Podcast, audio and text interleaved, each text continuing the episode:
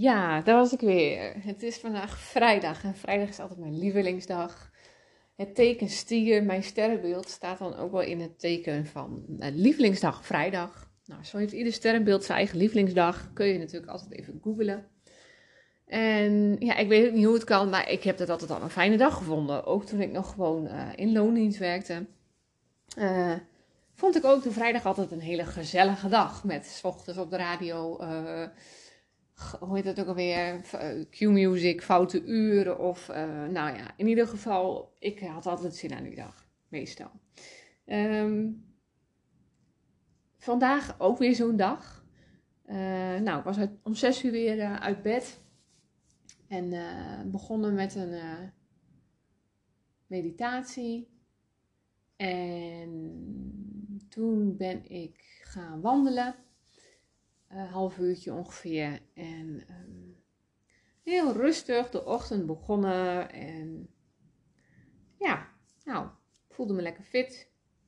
En even denken, wat heb ik toen allemaal nog verder gedaan? Oh ja, ik heb vanmorgen een hele leuke mail verstuurd. Want gisteravond had ik een geweldige masterclass van uh, Charlotte Labé. Uh, Charlotte Labé uh, is van Brain Balance. En um, zij uh, um, nou, had gisteren een masterclass over um, kinderbrein en de opvoeding daarvan. Nou, ik dacht dat lijkt me wel interessant. Uh, nou, was ook gratis, dus daar me voor ingeschreven en gisteravond dat gekeken. En heel veel dingen zijn wel herkenbaar of wel, nou, wat we op zich wel al weten. Alleen, nou, heel veel dingen wist ik trouwens ook nog niet. Um, en daar wil ik jullie eigenlijk in de eerste instantie even een stukje in meenemen. Um, omdat het niet alleen voor de kinderen is, maar ook voor de ouders. En misschien wel vooral voor de ouders. En um, zoals Charlotte dat ook mooi vertelde, kinderen spiegelen natuurlijk volledig hun ouders. Dus 50% de moeder, 50% de vader. En ik geloof ook wel dat heel veel mensen zich daar wel bewust van zijn, maar misschien ook sommige mensen niet. En um, nou, dat vond ik echt super gaaf aan die, aan die uh, masterclass. Dus als mensen hier naar luisteren en die masterclass nog terug willen zien, ik heb de replay in mijn e-mail. Uh, dus dan vraag gerust even om uh, die toe te sturen. Vanaf vandaag is die nog zes dagen geldig. Nou, om, om je even een stukje mee te nemen. Ik heb de sheets heb ik opgeslagen. Um, nou, van 0 tot 2 jaar noem je het de sensomotorische fase. En vanaf de geboorte leert het kind de wereld waar te nemen via de zintuigen en objecten te ontdekken. Ook de motorische vaardigheden ontwikkelen zich dan in een rap tempo. Uh, dan heb je van de 2 tot 7 jaar de uh, pre-operationele fase. Na enkele jaren ontwikkelt je peuter hersengebieden die zijn betrokken bij geheugen en verbeeldingskracht. Ook ontstaat een begrip voor symboliek en concepten zoals verleden en toekomst. Uh, ja, van 7 tot 11 jaar uh, concreet operationele fase. Vanaf 7-jarige leeftijd is een belangrijk deel van de programmering van het kinderbrein al voltooid. En tegelijkertijd raakt het kind zich meer bewust van externe gebeurtenissen en andermans gevoelens. Nou, dat, merk ik bijvoorbeeld best wel bij Dani, die is nu bijna acht jaar, dat er inderdaad nu op deze leeftijd, afgelopen jaar, heel veel bij hem is veranderd. En hoe merk ik dat dan? Um, nou, ook heel erg wel dat hij zijn eigen, um, zijn eigen ding gaat doen, heel erg, zeg maar. Dus um, ja, misschien een stukje zelfstandigheid, maar ook zich wel af en toe afzetten. En dan denk ik, oh ja, ja er zit echt een verandering in, ja, in het gedrag, zeg maar. En nou ja, tussen, of vanaf 11 jaar en ouder noem je het de formeel operationele fase. En tegen het einde uh, van de basisschool ontwikkelt het kinderbrein uh, hersengebieden die zijn verbonden met vaardigheden als logisch redeneren en abstract, abstract en ruimtelijk denken. Um, dan had ze een heel mooi plaatje op een gegeven moment ook van de hersenen. Dat bestaat uit de neocortex, de prefrontale cortex. Dat is helemaal de, de, voor mij noem je dat ook de frontkwap of zo. Dan heb je het limbisch brein. Uh, in het midden ongeveer dan heb je het reptiele brein. Het reptiele brein is een hele oude brein. Dat hebben we ook op school wel gehad en geleerd. Um, ja, en ieder stukje staat natuurlijk weer voor een ander deel um, um, ja, in de hersenen. Nou, toen had ze het ook nog even over het onderbewuste is een miljoen keer krachtiger dan ons onderbewuste. Uh, dan ons, uh, sorry, het onderbewuste is een miljoen keer krachtiger dan ons bewuste. En um, nou, wat ze daar als voorbeeld ook bij gaf, is dat. Um, en ik weet niet, misschien herken je dat zelf ook wel als kind. Ik in ieder geval wel. heel veel mensen zijn natuurlijk gevoelig. Uh, sommigen zijn hooggevoelig extreem hooggevoelig, zitten verschillende gradaties in. Maar soms, nou, 80% van de communicatie bestaat eigenlijk uit um, ja, non-verbale communicatie, maar ook dus uit gevoelens. Op het moment dat, um, nou, stel je komt als kind, uh, komt een ruimte, of stel jouw kind komt uh, thuis. En jij hebt net met je partner bijvoorbeeld ruzie gehad. En nou, je wilt eigenlijk dat het kind daar niks van mee uh, krijgt. Dus hey, je doet maar net alsof het dan weer goed is. Um, nou, je kind stapt binnen. En um, ja, wat denk je? Dat het kind dat niet merkt? um, nou, ik heb dat als kind in ieder geval wel altijd gemerkt. En het is inderdaad 80% uh, eh, ja, uitzicht door uh, energie. Dus door non-verbale communicatie, door uh, gevoelens. En een kind heeft dat toch wel door. Um, dus wie hou je ermee voor de gek? Eigenlijk alleen maar jezelf. De buurman gaat boren. Oké, de buurman die ging uh, boren met een uh, klokboormachine volgens mij. Dus dat maakt wat lawaai. Kan natuurlijk ieder moment zo weer gebeuren, maar dan uh, zet ik hem gewoon even stop. ik was volgens mij gebleven bij, ehm, nou, onderbewuste is krachtiger, een miljoen keer krachtiger dan ons bewuste. Dat je dus eigenlijk altijd wel aanvoelt. Je kunt eigenlijk niet zo iemand voor de gek houden in dat opzicht. Want iemand voelt toch wel aan wat ergens een sfeer is. Uh, dus ja, of iemand. En vooral de kinderen, de nieuwe generatie kinderen, zijn nog gevoeliger. Dus die voelen dat helemaal, uh, helemaal aan. Um, even kijken. Op een gegeven moment was het een heel mooi piramidetje. Met, um, nou dat 95%, hè, dat onderbewuste systeem, dat is het automatische zenuwsysteem, uh, waarin de programmering van je brein zit. Dus je gewoonten en je patronen. Nou, in de opleiding um, Holistisch Coaching hebben we ook NLP geleerd. Nou, ik, moet altijd, ik struikel altijd over dat woord, daarom zeg ik gewoon NLP. Maar volgens mij is het neurolinguistisch programmeren. Uh, dat is eigenlijk gewoon het herprogrammeren van je gedachten. Nou, dat is wat Charlotte ook, uh, waar Charlotte het ook over had in haar um, masterclass. Dat eigenlijk alle programmeringen die we hebben um, in ons brein hebben, hè, opgebouwd als kind of als jongvolwassene, of, uh, dat kunnen we dus herprogrammeren. Nou, dat is ongeveer zo'n uh, drie tot vier maanden voor nodig om hè, die overtuigingen die erin zitten, om die uiteindelijk te herprogrammeren naar, nou ja, wat dan ook maar voor jou de bedoeling is. Maar het kan. 5% is het bewuste systeem, het rationeel denken. Um, even kijken hoor. Ja, dus 95, 98% van wie we zijn op deze leeftijd is een reeks onbewuste programma's die een automatisme zijn geworden. Dus wij doen eigenlijk altijd alles al op de automatische piloot. Uh, omdat we het zo hebben aangeleerd, omdat we niet beter weten dan dat. Um, ja, totdat we misschien met onszelf bijvoorbeeld aan de slag gaan. Of dat we tegen dingen aanlopen. En we erachter komen van hé. Hey. Nou ja, en vooral kinderen natuurlijk, die spiegelen ons heel erg. Waardoor we eigenlijk ook wel uh, in de spiegel moeten kijken. om um, ja, te zien. Hè? Want wij zijn gewoon de spiegels van de kinderen. Dus op het moment dat zij bepaald gedrag vertonen. Ja, eh, daar mogen wij onszelf gaan aankijken. Van hé, hey, maar wacht eens even, wat gebeurt hier nou?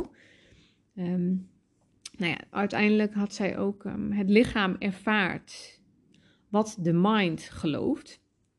Dus inderdaad, op het moment dat jij bijvoorbeeld heel negatief denkt, of zegt tegen jezelf: Ik kan dit niet, ik ben het niet waard, ik, uh, nou noem maar op, allemaal van die negatieve overtuigingen, dan, dan gaat je lichaam het geloven.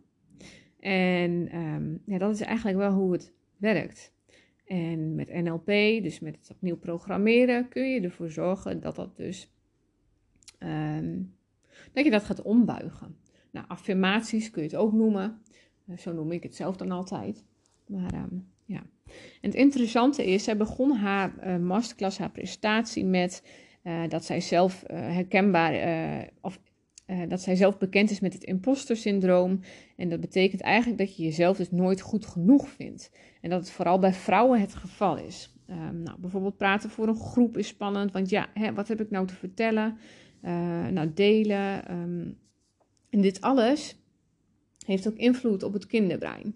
Uh, nou, ik herken dat ook wel heel erg, dat imposter syndroom, waarbij ik denk van, nou, ik ben nooit goed genoeg en um, ja, wat heb ik nou te, te melden, zeg maar.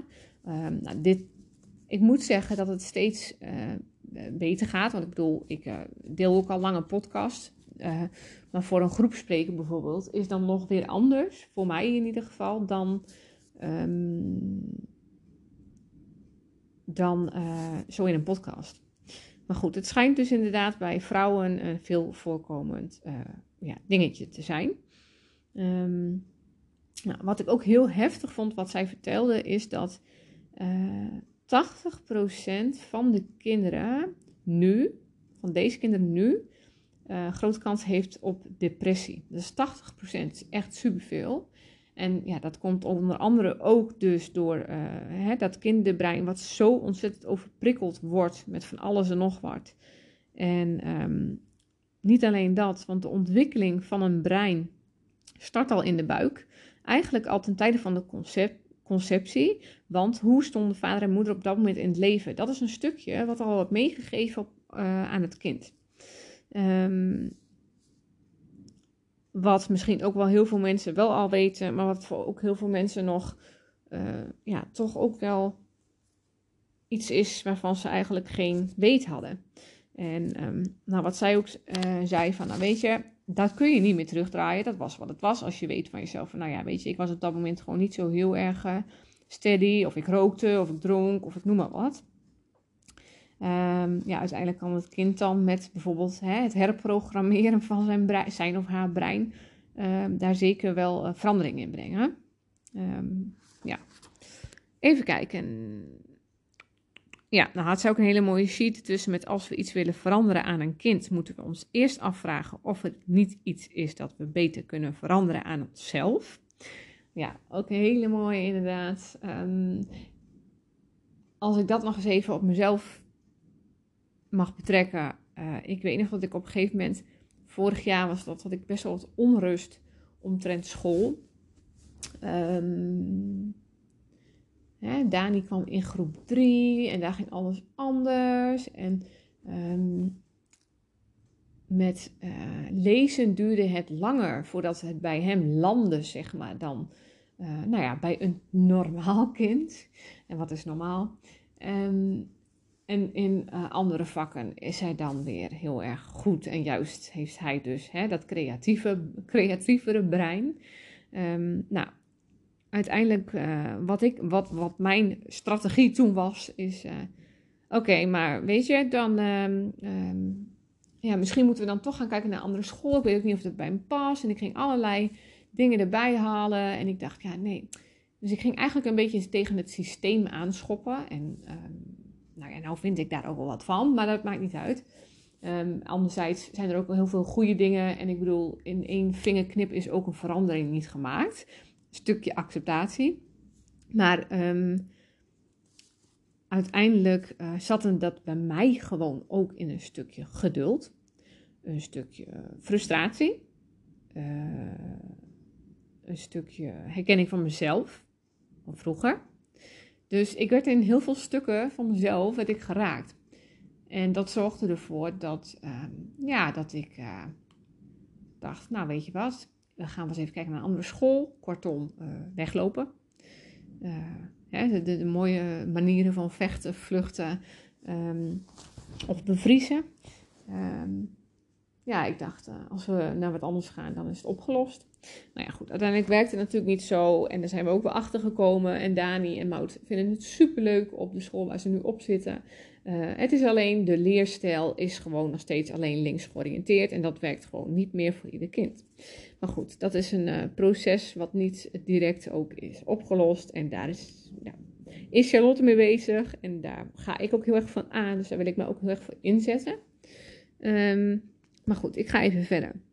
Ze had het op een gegeven moment over early life stress en het brein. Met name, met name op jonge leeftijd heeft blootstelling aan chronische stress ingrijpende gevolgen. Early life stress kan het brein structureel veranderen en ligt daarmee aan de basis van complexe trauma's op volwassen leeftijd. Nou, dat, um, nou even een voorbeeld aan mezelf dan weer kijken. Van oké, ik ben uiteindelijk 12 jaar na mijn zus bijvoorbeeld geboren. Ik was nou ja, een cadeautje, om het maar even zo te noemen. Um, ik was er onverwacht. Dus in tijden van de conceptie uh, ja, was het de bedoeling, geen idee. Um, ik weet in die tijd, uh, mijn moeder rook en dronk. Ja, wat voor invloed heeft het allemaal? Veel. Um, toen was daar natuurlijk ook wel minder nog over bekend. Maar ja, dat heeft wel zeker invloed. En uh, uiteindelijk ben ik er dus ook achter gekomen, wel uh, een stukje erkenning um, vanuit de vaderlijn. Um, daar ga ik nu dan niet te diep op in. Maar in ieder geval, uh, ja, zoveel dingen hebben invloed op je zijn, zeg maar. Um, waarbij we soms denken dat als een kindje dus uiteindelijk geboren wordt, dat het eigenlijk een on onbeschreven blad is. Dat is, is helemaal niet zo. Want het heeft al heel veel dingen uh, vanaf de conceptie van de ouders meegekregen. Um, even kijken. Neurodiversiteit. Verschillende methoden op scholen. Fysiek. Oh ja, had ze het ook nog over inderdaad. Um, nou, hè, over de leerstijlen op school. Nou, ik doe zelf met Dani ook de kernvisiemethode. En waarom doe ik dat? Omdat Dani gewoon heel erg uh, gevoelskind is en heel erg visueel ingesteld. Dus die leert op een andere manier, beter en makkelijker. Um, op school wordt het heel erg auditief en digitaal aangeleverd, aangeleerd. Um, nou, als we kijken naar onszelf, dus Nick en mij, uh, hadden wij ook, uh, of zijn wij ook meer rechts georiënteerd. Dus wij pikken het ook eerder met gevoel en met visueel op. Ik deed vroeger alles op gevoel.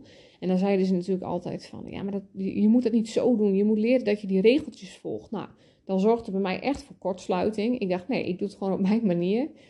Um, want dat is voor mij het makkelijkst. En uiteindelijk heb ik heel eigenwijs mij daar ook altijd aan gehouden. En op die manier heb ik het nou, prima voor elkaar gebokst. Um, nou, nu schijnt er dus ook inderdaad een kernvisiemethode te zijn die dus dat ondersteunt. En op die manier ook echt laat, uh, laat aanleren, zeg maar. Um, dat volg ik dus met Dani om het hem een stukje gemakkelijker te maken. Um, en op zijn manier dus de lesstof zich eigen te maken. En mijn hoop, mijn visie is om uiteindelijk uh, het schoolsysteem zo te vormen dat er niet alleen ruimte is voor de links georiënteerde leerstijl, maar ook voor de rechts georiënteerde leerstijl. Want ik geloof dat er echt een verandering mag plaatsvinden voor de kindjes die nu op dit moment op scholen zitten en um, uh, ja, tegen bepaalde uh, leerproblemen misschien wel aanlopen of gaan lopen. Dat hoeft ook nog niet eens op de basisschool zo te zijn, maar dat kan dan ook op het voortgezet onderwijs uiteindelijk aan bod komen. Ja, dat, dat kan gewoon niet de bedoeling zijn. Het is de bedoeling dat we ze uh, ja, kunnen helpen en ondersteunen en dat het dat het op een eenvoudige wijze gaat. En weet je, dit schoolsysteem bestaat al jaren. En ja, soms is daar verandering in nodig. En dat zal dan nu misschien kunnen zijn. Um, ja, dat is dat. Um, had ze het ook nog over, is ook wel interessant inderdaad. Communicatie met je kind. Want op het moment dat, stel, hij had ook een voorbeeld, haar zoontjes die springt op de bank en wat we dan geneigd zijn om te doen is, um, wil je even van die bank afgaan? Je weet toch dat het niet mag, dat het op, zeg maar, op zo'n negatieve manier dan benaderen. Nou, heel herkenbaar, want ik bedoel, soms dan denk je van, uh, of dan ben je zelf gewoon moe of weet ik het wat, en dan denk je dat is de makkelijkste manier. Nou ja, eigenlijk is dat de meest vermoeiende manier, want uh, als je bijvoorbeeld aangeeft van, of je biedt ze een alternatief aan. Dus als ze iets doen wat niet mag. Um, en dan aangeeft van, goh, joh, zullen we wat anders doen? Um, en dan twee opties aanbieden, want dan hebben ze keuzevrijheid. En dat werkt heel goed voor het brein, zeg, uh, schijnt. Uh, dus als je ze een alternatief aanbiedt van, goh joh, zullen we dit eens doen? Want wat vind je zelf, hè, een bank is eigenlijk uh, toch om op te zitten of een boek te lezen of nou ja, weet je wel, zoiets. En dan twee keuzes geven, goh, we kunnen dit of dit doen, hebben ze keuzevrijheid en dan voelen ze zich meteen gezien en gehoord. Nou, super top. Uh, nou, emotioneel aanwezig zijn, um, dat is ook wel iets. En zij, nee, dat gaf zij niet aan, maar iemand anders. Gisteren zag ik dat voorbij komen, volgens mij was dat Arie Boomsma. Die uh, zei van, wat ik altijd doe, is als ik naar huis ga, op de fiets bijvoorbeeld, en ik stap, nou, ik stap op de fiets vanuit mijn werk, dan zeg ik, oké, ik ga nu het portaal van huis binnen. Ik ben nu gewoon mijn vader, zodat je echt uh, die verschillende ja, rollen zeg maar volledig op je neemt. Zodat je niet half bij je werk bent en half thuis. Want dat werkt gewoon niet. Um, nou, dat is iets wat ik ook voor mezelf ga uh, doen. Of heb ik vandaag trouwens ook gedaan. Oké, weet je, vandaag ben ik uh, aan het werk. Voor mezelf. Um, zometeen sluit ik dat even helemaal af. Dan ga ik de kinderen ophalen en dan ben ik er even volledig voor de kinderen. Dus doe ik net alsof ik in een ander, andere wereld even stap, zeg maar. Nou, ik ben benieuwd wat me dat gaat brengen.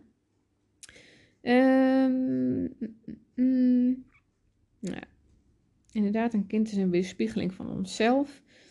Um, nou, het gesprek aangaan met je kind. Want welke energie heb jij zelf bij je? Nou, die energie gaat je kind ook hoe dan ook spiegelen. En dat zie ik thuis zo vaak. Um, ja, dat is gewoon, uh, dat is precies als ik vermoeid ben en down, uh, uh, dan is dat precies wat de kinderen ook op dat moment spiegelen. En juist op die momenten gaan ze dan aandacht vragen en vervelend doen. En ja, ze doen maar eigenlijk gewoon na op zo'n moment. Um, ja, dat was dat stukje. Dan ga ik nog even verder met de sheets. Want ja, natuurlijk de druk van de maatschappij is ook iets wat, um, ja, wat soms wel meespeelt in hoe we, um, ja, hoe we ons gedragen. Misschien wel, wat vindt een ander er nou van? Ja. Even kijken wat had ik verder nog? Oh ja, hoe wordt het kinderbrein beïnvloed? Nou, door de ouders, broers en zussen, vriendjes, opa en oma, school en leerkrachten, verenigingen, sportclubs op straat, schermen en films. Gaf ze ook nog een heel mooi voorbeeld van. En ik sprak vanmorgen iemand en die zei: Oh, die had een, ik kreeg er helemaal kippenvel van. Maar die benoemde van, nou, hè, over haar zoontje. En nou, uiteindelijk nou, niet helemaal serieus genomen door de juf, zeg maar. En op het moment dat uh, het kind dan iets wil vragen aan de juf, krijgt het eigenlijk te horen van nee hoor, kan je niet helpen, want je zult het toch zelf moeten doen. Dus nou, het is ook natuurlijk de toon waarop iemand iets zegt. Maar dat zei Charlotte ook nog, ga eens na wat dat met een kind doet. Op het moment dat je continu zeg maar een soort van afwijzing hoort van nee, of jij kan dat niet, of dat, dat gaat geprogrammeerd worden in het systeem. En ja, wat doet dat met het zelfvertrouwen van een kind? En als een kind bijvoorbeeld al faalangst heeft, hoe zal zich dat dan verder ontwikkelen? Dat wordt alleen maar erger. Nou ja, en dat is iets, denk ik, ik geloof dat daar echt wat mee mag en moet gebeuren om uiteindelijk onze lieve kindertjes niet depressief te laten worden. Hè?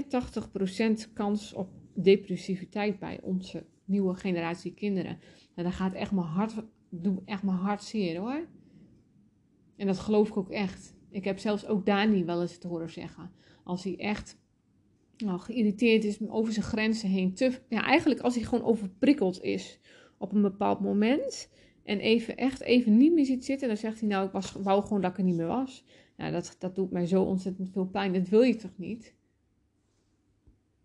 En ik geloof ook zeker dat het uiteindelijk in de kern niet zo is. Maar dit is wel een heel duidelijk signaal van kinderen zijn veel te veel overprikkeld.